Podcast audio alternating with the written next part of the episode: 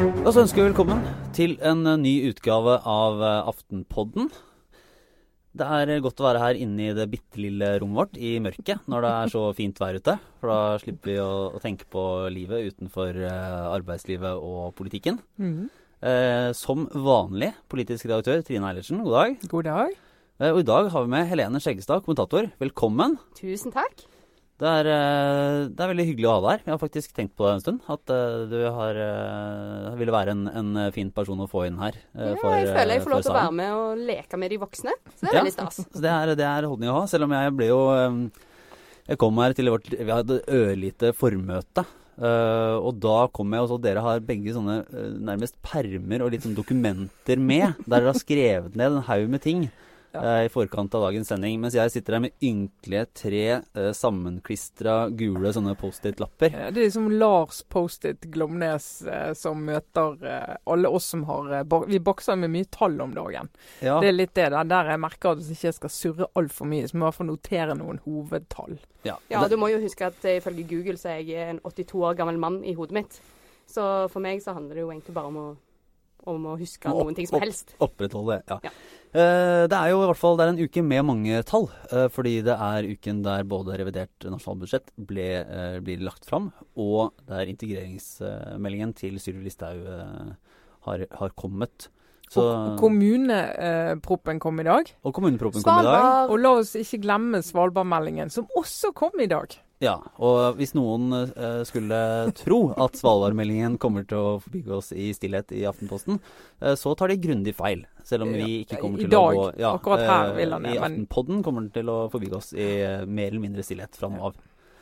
Men eh, revidert nasjonalbudsjett, det er en eh, ny runde for eh, Siv Jensen med å peke på hva som eh, skal gjøres og bør gjøres, og hvilke endringer som har dukka opp siden i fjor høst, da de borgerlige partiene satt og krangla i ukevis eh, om hvordan pengene skulle disponeres i, i 2016. Ja. Eh, var det noen overraskelser i det hun la fram i dag, Trine? Uh, ja, altså det er jo Budsjettet og den blå regjeringen er jo egentlig en, en liten bok.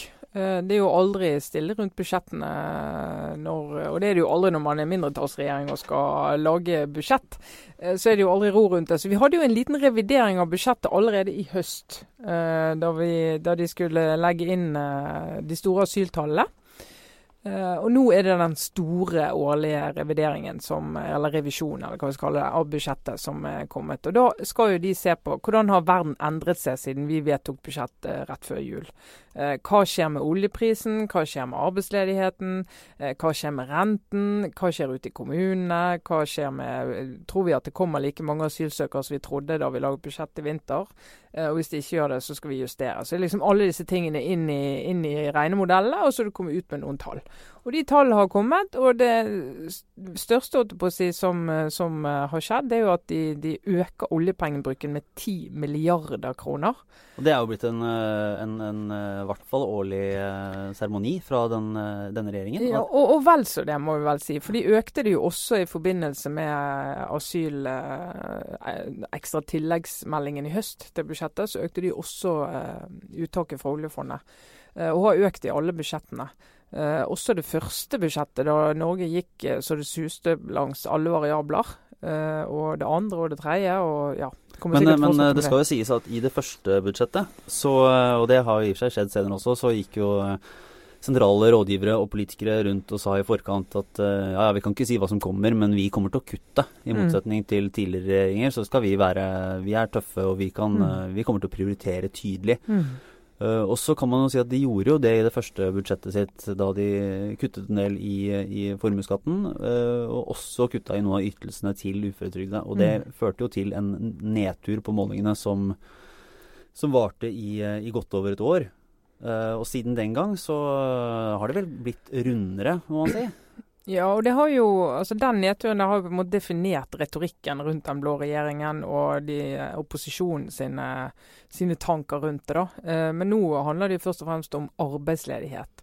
Eh, og det tror jeg jo eh, mange satt og lurte på. Hva kommer, kommer det en ny tiltakspakke? Hvordan vil den se ut? Eh, og det som Siv Jensen sitt viktigste budskap er jo at det er ingen krise nasjonalt. Det er ingen krise.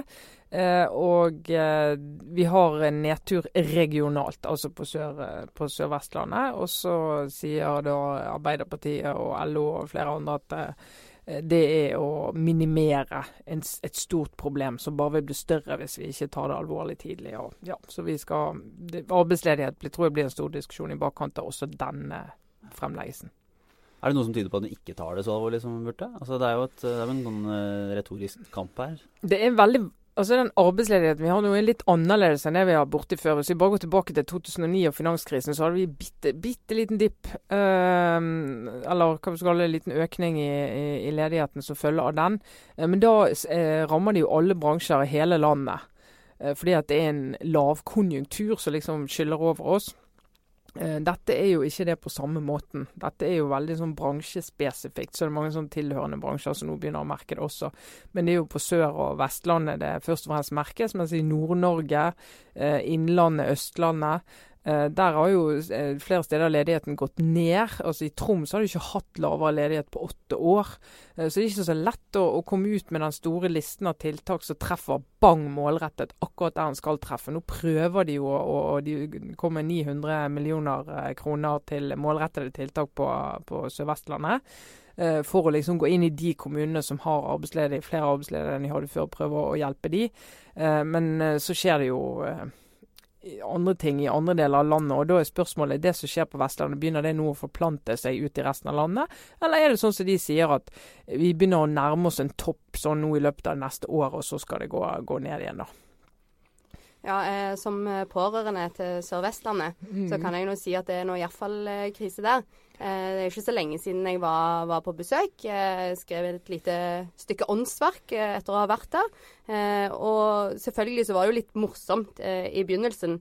Jeg hadde venner som kanskje hadde to hus og en leilighet og en Porsche, og så måtte de, miste jobben og måtte finne på noe helt nytt.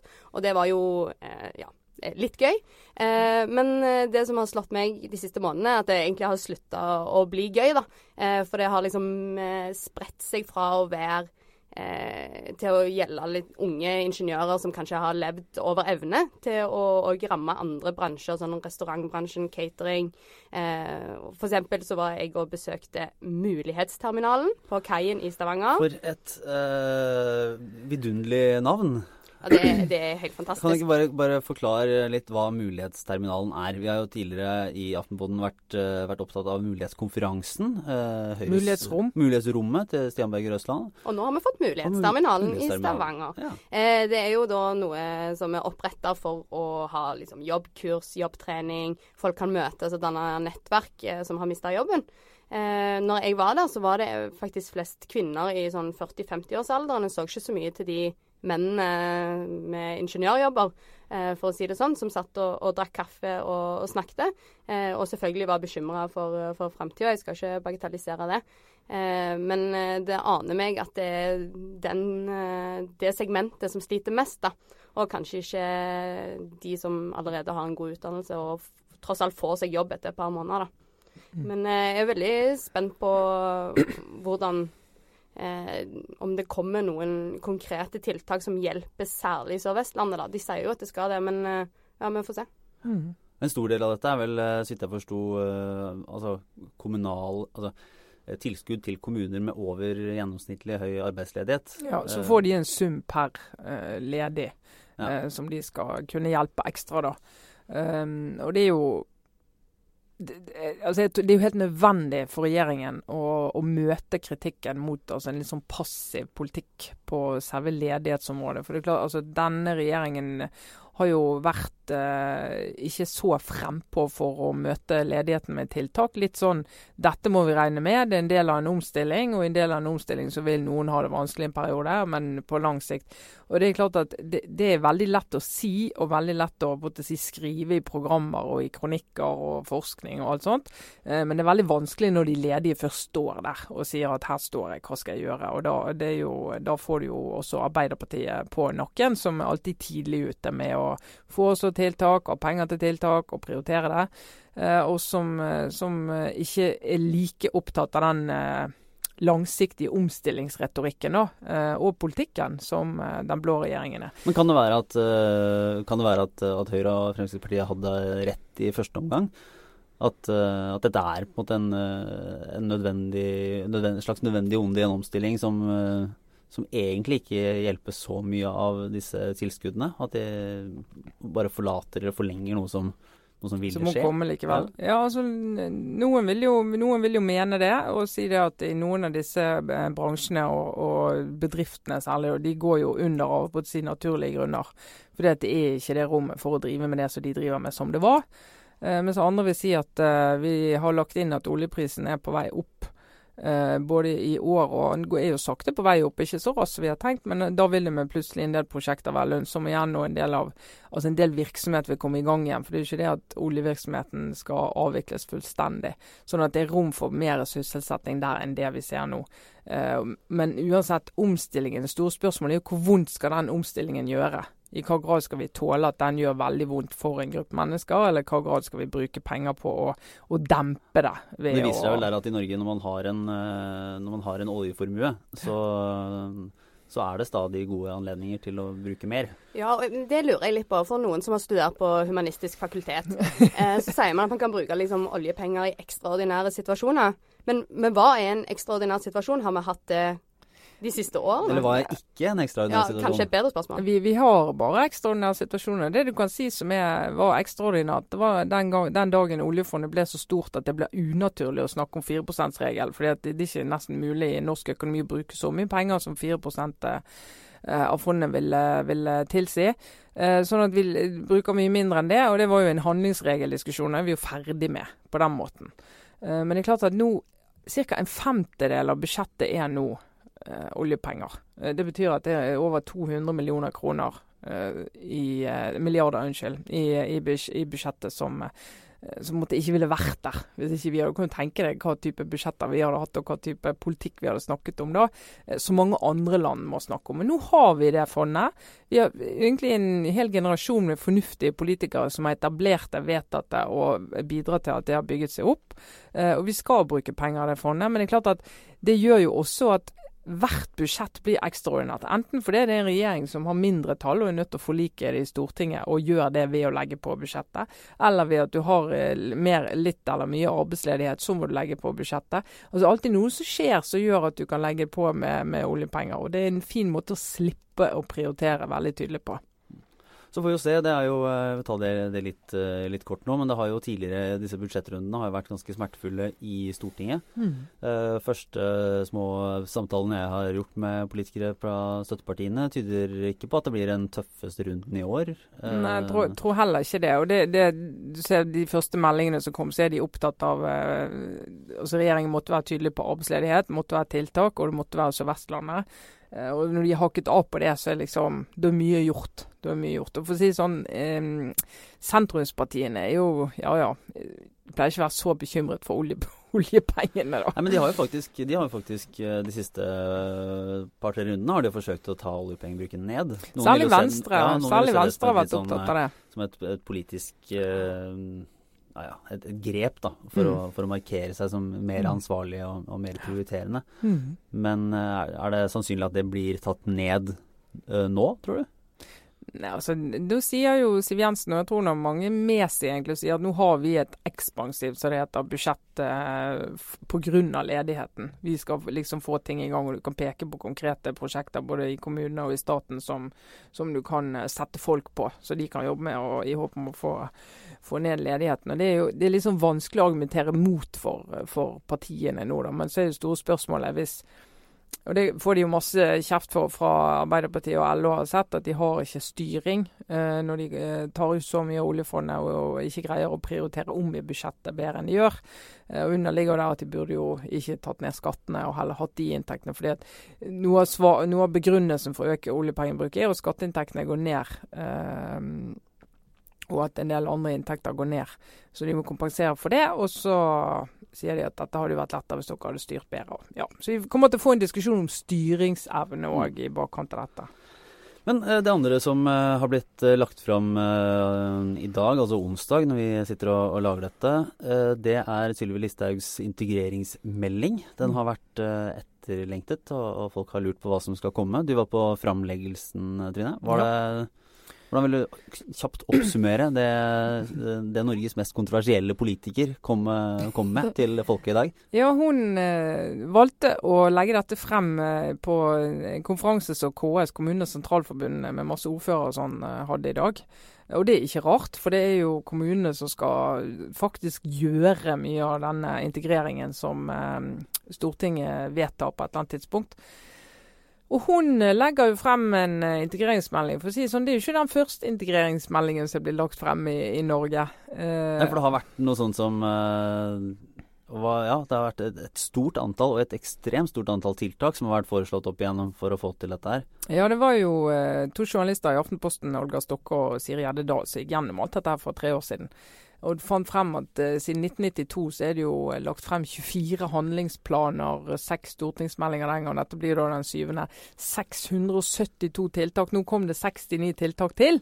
så det er jo ikke det at ikke dette har vært på, på, på blokken før og ikke har vært diskutert før. så da og mange av disse tiltakene er jo for å si det forsiktig beslektet med ting som, som har vært vedtatt og gjennomført før. Så spørsmålet er jo hva som er hva er det som skal lykkes bedre denne gangen. Og så ser du altså, Sylvi Listhaug sin tone inn i dette, hennes grep om det, som nok er det som skiller ham fra de andre fremleggelsene av den type meldinger, det er jo den veldig tydeligheten på at hun stiller, skal stille krav til uh, flyktningene om at de skal integrere seg. De skal ikke bare bli integrert, de skal bli skattebetalere. Er det, er det retorikk, eller er det reelt? Nei, hun har jo en del eh, tiltak eh, som understreker det. Dette her er integreringsmottaket.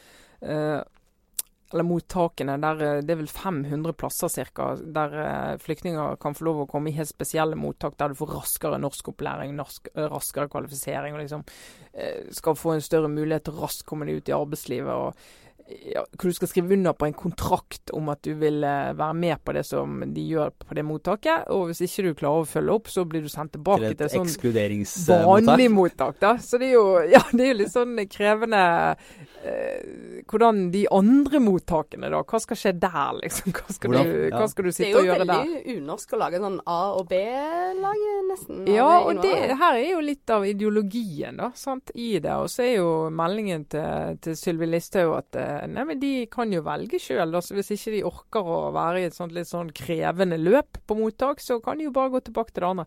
Utfordringen er jo hvis det er veldig mange som vil være på de mottakene. Si at Da sitter det 25 000 i mottak nå. Uh, og hvis si 10 000 av de da, på en eller annen måte har lyst til å ha litt sånn ekstra oppfølging og, og vil bidra òg mer, så er det jo 500 plasser ganske lite. Men uh, det de i hvert fall gjør Hva er det 500 plasser totalt? På DIA, på integreringsmottaket, som det heter. Det sånn, et virkelig sånn elitekurs? Ja, ja også, men det som er eh, på å si, Hvis du skal se lys på det, så er det jo at eh, de 672 tiltakene som vi nevnte i sted, som vi har prøvd opp igjennom, det er veldig mange av de har til felles. Det er jo at de har jo aldri vært evaluert. Ingen som har undersøkt hva som virker.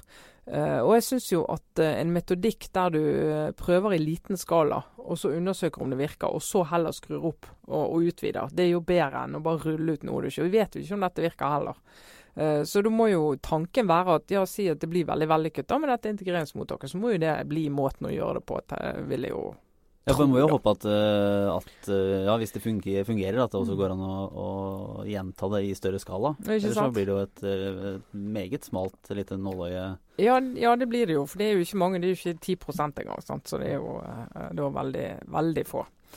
Men så er det jo veldig veldig store variasjoner hos flyktningene hva evne de har til å gå inn i sånne løp. Sant? Du har jo hele skalaen fra analfabeter med nesten ingen arbeidserfaring. Det var hun eh, flyktningkoordinatoren fra Ålesund kommune var med på fremleggelsen i dag og sa at altså, vi, vi, får jo flyktninger hos oss som har sittet 20 år i flyktningleir. Og Det er klart det er 20 langt på vei bortkastede år der du ikke får arbeidserfaring, du får ikke ordentlig utdannelse. du får ikke, altså Masse av det som gjør at du er i stand til å gå inn og ta en jobb, det har du ikke hatt. Og Da må du jo begynne på en helt annet nivå enn hvis du får inn en uh, syrisk flyktning som uh, måtte dra i fjor sommer og forlate jobb og et liv. og men jeg, jeg tenker, det er jo to mulige måte, underleggende premisser her. da. Det ene er jo at Eller eh, kan, begge kan gjelde, men, men, eh, det er jo spørsmål om dette nå iverksettes fordi Uh, fordi vi plutselig har fått veldig mange flere flyktninger og asylsøkere til Norge. Og så er det et, et spørsmål om om kvantiteten, altså hvor mange som har kommet, og derfor må man nå ha nye tiltak. Eller så er det jo spørsmål om integreringen til nå har vært uh, faktisk for dårlig. Mm. Um, er det noe klar vekting av det fra Listhaugs side, eller uh, kan altså, vi etablere et ja, det, det kan vi godt prøve oss på, men det, det er nok begge deler. For altså, hun var jo opptatt av å, å peke på altså, førstegenerasjons innvandrere. Uh, og hvem av de som vi uh, greier å sysselsette, hvem som har, uh, ikke kommer i jobb. Det er veldig forskjell mellom innvandrere som kommer fra afrikanske land og fra asiatiske land og fra ja, Europa for den saks skyld. Um, og hvor særlig da kvinner fra afrikanske land er jo i veldig liten grad sysselsatt og, og opptatt av å gå inn i den gruppen og prøve å finne nye tiltak da, som skal gjøre at du får de ut i arbeidslivet og ut av ut av hjemmene. Og så er jo dette uh, dette er jo altså, Du kan snakke om tre faser her. Det vi holdt på med i høst og i vinter, var jo selve innvandringen den var høy. Eh, hvordan skal vi eh, gjøre den lavere? Hva skal vi gjøre? Hva er rimelig, hva er humanistisk? Hva, alt det der som vi snakket om i vinter. Nå er vi i andre fase. De er kommet. Det sitter 25 000 på mottak. Vi må få de ut i kommunene. Vi må få de integrert. Det er liksom en mer sånn hyggelig diskusjon, egentlig. da. For det er jo ingen som er mot integrering. Uansett hva du mener om innvandring, så er du for integrering. Bortsett fra disse ekskluderingsmottakene, da. Som Ekskluderingsmottakene, sant. Uh, og så er det jo den neste fasen, da, som jeg vet uh, Helene uh, har vært opptatt av. Det er jo andre generasjon, så vi vet at vi har mye større mulighet for å påvirke graden av sysselsetting, graden av hvordan de klarer seg på skolen, enn vi, enn vi, klarer på første generasjon. Og dette handler jo først og fremst om, om de som kom nå, hva skal vi gjøre med de?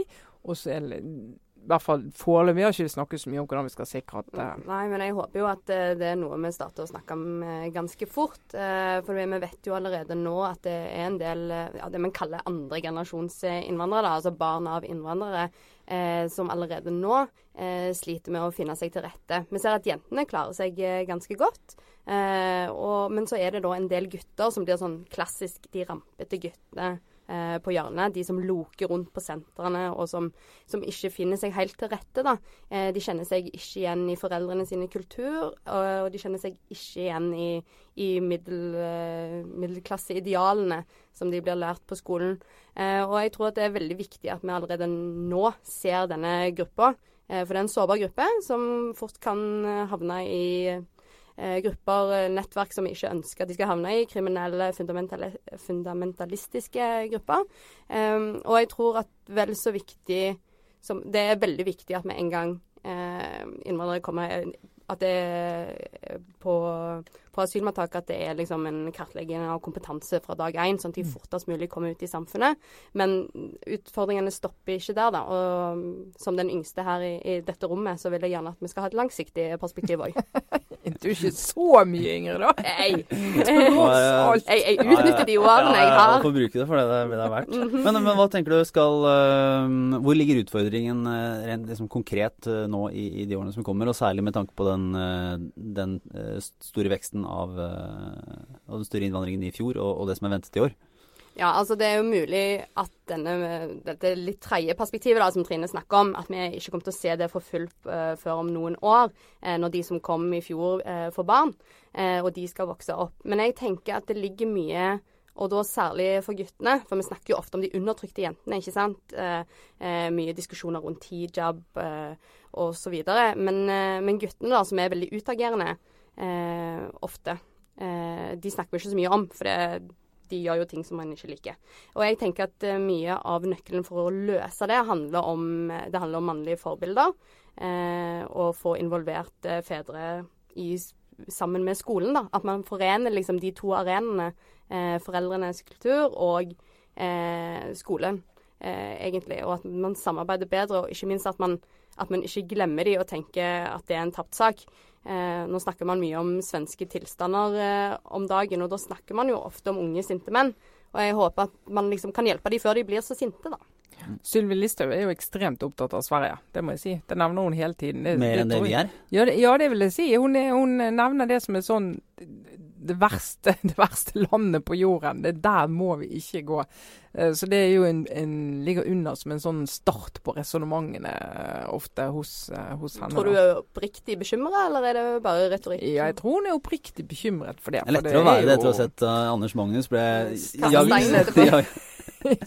Mange som har blitt fristet, men det er ikke ja, det, er har ikke gått så langt i Norge ennå, selv med Anders Magnus gående rundt. Nei, nei, og det er jo alle glad for at vi ikke har den type parallellsamfunn. Og, og, hvordan skal vi bevare det? Og, men akkurat det der med de guttene som De faller ut av skolen ofte. Absolutt. Eh, og det er jo highway to bare tøys. Eh, og det Ja. Arbeid er roten til alt godt. Lars, ai, ai. du som hadde fri forrige uke. Uff, uff, ja. Nei, men eh, vi får egentlig eh, komme oss videre fra denne ukens flytende poster og over til de faste. Og vår nå etter hvert etablerte spalte obligatorisk refleksjon. Ja. hva er det Ja, hva er det du vil ta med inn i helgen, Trine? Nei, jeg skal ta, inn, ta med meg inn i helgen min, min voldsomme entusiasme for 17. mai. Det er Den er Jeg syns det er lenge til 17. mai, kjenner jeg. Det er jo fem dager igjen. Ja, seks nesten. Ja, herlighet. Og så er det masse helligdager gjennom mellom, da. Masse stengte butikker. Til og med kolonial.no er stengt. Og det, du vet, for oss som er så glad i 17. mai og planlegger og begynner med 17. mai-frokost klokken syv og liksom holder på gjennom dagen, eh, så blir jo det voldsomt mye å holde på med frem til det. Bunaden skal fiskes frem. Den skal, eh, den skal, skjortene skal strykes. Vi skal konstatere at sølvet også i år trenger en puss uten å få det. Og det skal, det skal Er dette en, en bergensgreie? Er det lov å analysere? Eller? Altså jeg må si den 17. Eh, mai-entusiasmen eh, Bergen er en skikkelig 17. mai-by, det må jeg si. Og det er jo, jeg har jo barn som jeg skal ta med meg på kulturreiser til, til Bergen på 17. mai. De er litt små ennå. Så liksom se hva et skikkelig 17. mai-tog er. Eh, viktigheten av å fotside 17. mai-sløyfa hvis du er i 17. mai-komiteen som også har flosshatter. Litt, eh, litt loslitt, riktignok. Med Sogn buekorps. Eh ja, altså, og buekorps selvfølgelig. og det er, jo, det er, jo, en festdag. Og det er jo um, noen som kjenner på at vi er litt nasjonalistiske den dagen, men jeg syns jo tvert imot at dette er, jo, dette er jo en feiring av en av verdens eh, tidligste og første og beste grunnlover. Uh, og det er all grunn til å feire alt som kan feires, som handler om frihet, demokrati, ytringsfrihet. Det er dagen for de store Dyrke ord. De, det er dagen for champagne, ja. for skåling. Og barnas dag må gjerne kalle det det. Jeg er ikke så opptatt av barna den dagen. jeg er mer opptatt av uh, alt det andre. Ja. ja. Skal ikke underspille at det er de voksnes dag også? Skal ikke underspille det overhodet. Og så vet jo jeg at jeg skal inn i skole greiene, jeg òg, og har noe pliktløp foran meg. Men det går over, det òg. Ja, ikke sant. Helene, hva, hva, tar du med deg inn eh, i, eh, i, den obligatoriske refleksjonen og inn i helgens uh, samtaler? Ja, det er iallfall ikke 17. mai, for jeg kan ikke fordra korpsmusikk. Så når min bedre halvdel hopper opp for å se på korpset tidlig om morgenen, så tar jeg pute over ørene og håper at denne dagen skal gå over. Men salutt liker du? Nei, ja, ja, ja, ja. Mange gode konnotasjoner til salutt. Men eh, nei, egentlig så hadde jeg tenkt å reflektere over et eh, særdeles skamfullt øyeblikk i mitt liv. Eh, I går så var det dugnad i borettslaget. Og jeg skulle ønske jeg hadde en god grunn til å ikke være med på det. Men egentlig så bare liker jeg ikke at folk forteller meg hva jeg skal gjøre. Eh, så jeg valgte å skulke den med den største selvfølge. Eh, og jeg hørte at de begynte, og ute i hagen, og drev med trappevask. Eh, og da skulle jeg lage meg en kopp te, og da gikk strømmen. Eh, og de drev jo da og vaska rett utenfor døra mi. Eh, og jeg følte jo selvfølgelig ikke at jeg kunne gå ut. Og, det er der sikringsskapet er? Det er der sikringsskapet Sånn er det når man bor i liten leilighet midt i Oslo sentrum, Trine. Da er sikringsskapet ute i gangen. Eh, så jeg ble da holdt gissel i mitt eget hjem eh, i et par timer. Og det Av ditt eget svik mot folkesjelen? Av mitt eget svik. Samme uke Helene, som jeg har blitt, har blitt tatt gjenvalg, fått tilliten til mitt lille borettslag som et nytt år ja, som styreleder. Jeg skjønner jo at Så får jeg høre sånne, og, sånne historier. Og, dagen før jeg skal altså i, i dugnad i dag i barnehagen som FAU-representant stiller med rak og rive. Og der kommer du også. Men jeg, men jeg fikk altså som eh, fortjent. Ja. Jeg eh, velger å kalle det karma. Eh, og jeg lover at neste år eh, så stiller jeg kanskje opp. Jeg har jo en, jeg har en liten teori som, eh, som, innflytter til Oslo selv. At det egentlig Én eh, ting er det som klassiske sånn Ja, innvandrerne må lære seg å delta i vår dugnadskultur. Men den derre borettslagsdugnadskulturen finnes jo egentlig bare i Oslo og noen få store byer. Mm. Uh, så for oss som kommer fra bygda, så ja, det tok noen år før jeg liksom følte helt del av den, ja. den biten selv, altså. Tror, Men du har jo virkelig hoppa på, da. Ja, ja, ja, ja, ja du, du har omfavnet dugnadskonseptet. ja, jeg, jeg står på min uh, individuelle rett til å til å ikke rake. Nei, men det, det rakner, vet du, samfunnet, ja, Helene. Det, det, det, det, er veldig skamfullt. Ja. Men jeg synes det er fint at det er et trygt rom der man kan dele, dele også det som er litt uh, skamfullt. Jeg hadde egentlig en, uh, en, uh, en ting jeg, jeg, kommer til å snakke om det i helgen, men jeg kan ikke ta det som en obligatorisk refleksjon likevel, fordi det skal bli en sak. Mm. En veldig, veldig morsom sak. Stikkord er jo 17. mai. Stikkord er 17. mai. Ja. Det er skikkelig teaser, dette. Ja, ja, ja, det er det. Så jeg kan gå til en annen liten Det var egentlig bare noe jeg jeg så reflektert over, fordi Trondheim kommune har denne uken da innført et forbud mot eh, en viss type Nei, gid det var så eh, Vel, nei, de har innført et forbud mot eh, reklame som kan eh, være Nå vet jeg ikke hvordan Altså kan gi kroppspress. Ja, stemmer. Eh, dårlig selvtillit og dårlig ja, dårlig, selvbilde blant ja. kvinner særlig, tror jeg. Ja, ja. Det er presist forbud. Ja, det er, det, er hele Det er den uh, Jeg er Jeg kan jo på mange måter Jeg kan forstå intensjonen uh, og syns det, det, er interessant. Men jeg, jeg, gleder meg veldig til å se hvordan man skal sette de grensene. Altså hva som er uh, Hvem som er egna til å gi noen et dårlig selvbilde eller utøve kroppspress. Og, og, hvordan det skal organiseres, om det skal være en liten komité som skal mm. sitte med, med diverse annonser foran seg, kanskje noen blader vurdere fra den ene til den andre kroppspresskomiteen. Ja. Si hun, hun, ser ut som hun veier 60 kilo. Det må være innenfor. Det er mange som veier det. Og hun ser ut som hun veier 50. Det er for lite. Ja. Kanskje sånn klassisk BMI? Eh, ja, ja, drive litt sånn der, eh, litt mål og i det hele tatt uh, Så jeg, jeg, tenker, og, jeg tenker det, vil, det, vil, gå inn i et par diskusjoner jeg skal ha gjennom helgen. Og, ja, det, om dette er en god eller dårlig idé. Det er et fint tiltak mot arbeidsledighet. For jeg ser ingen annen vei enn å lage et lite kontor. En etat. Ja. Kanskje på Sør-Vestlandet? Ja. ja som, som, tar for seg alle klager, og så lager kriterier, og så har en styringskomité. Her, Du hører bare stillingen renner inn. Skal rett og slett uh, lage et offentlig skjønnhetsideal som man skal, ikke skal komme for nære. Jeg foreslår at dere tar kontakt med Mulighetsterminalen i Stavanger. Det, ja, en, det er, uh, her finnes det et mulighetsrom for uh, offentlig vekst og utvikling. Uh, men uh, med det så takker vi for oss for denne uka. Vi er tilbake neste Har Har ikke det? Det er ingenting som skulle tilsi at vi tok fri da? Nei. Nei. absolutt ingenting. Nei. En kort uke, men en fin uke. Ja. Hurra for 17. mai. Ja, ikke sant. Takk. Rene Skjeggestad, Trine Eilertsen. Jeg er Lars Glomnes. Ha det bra.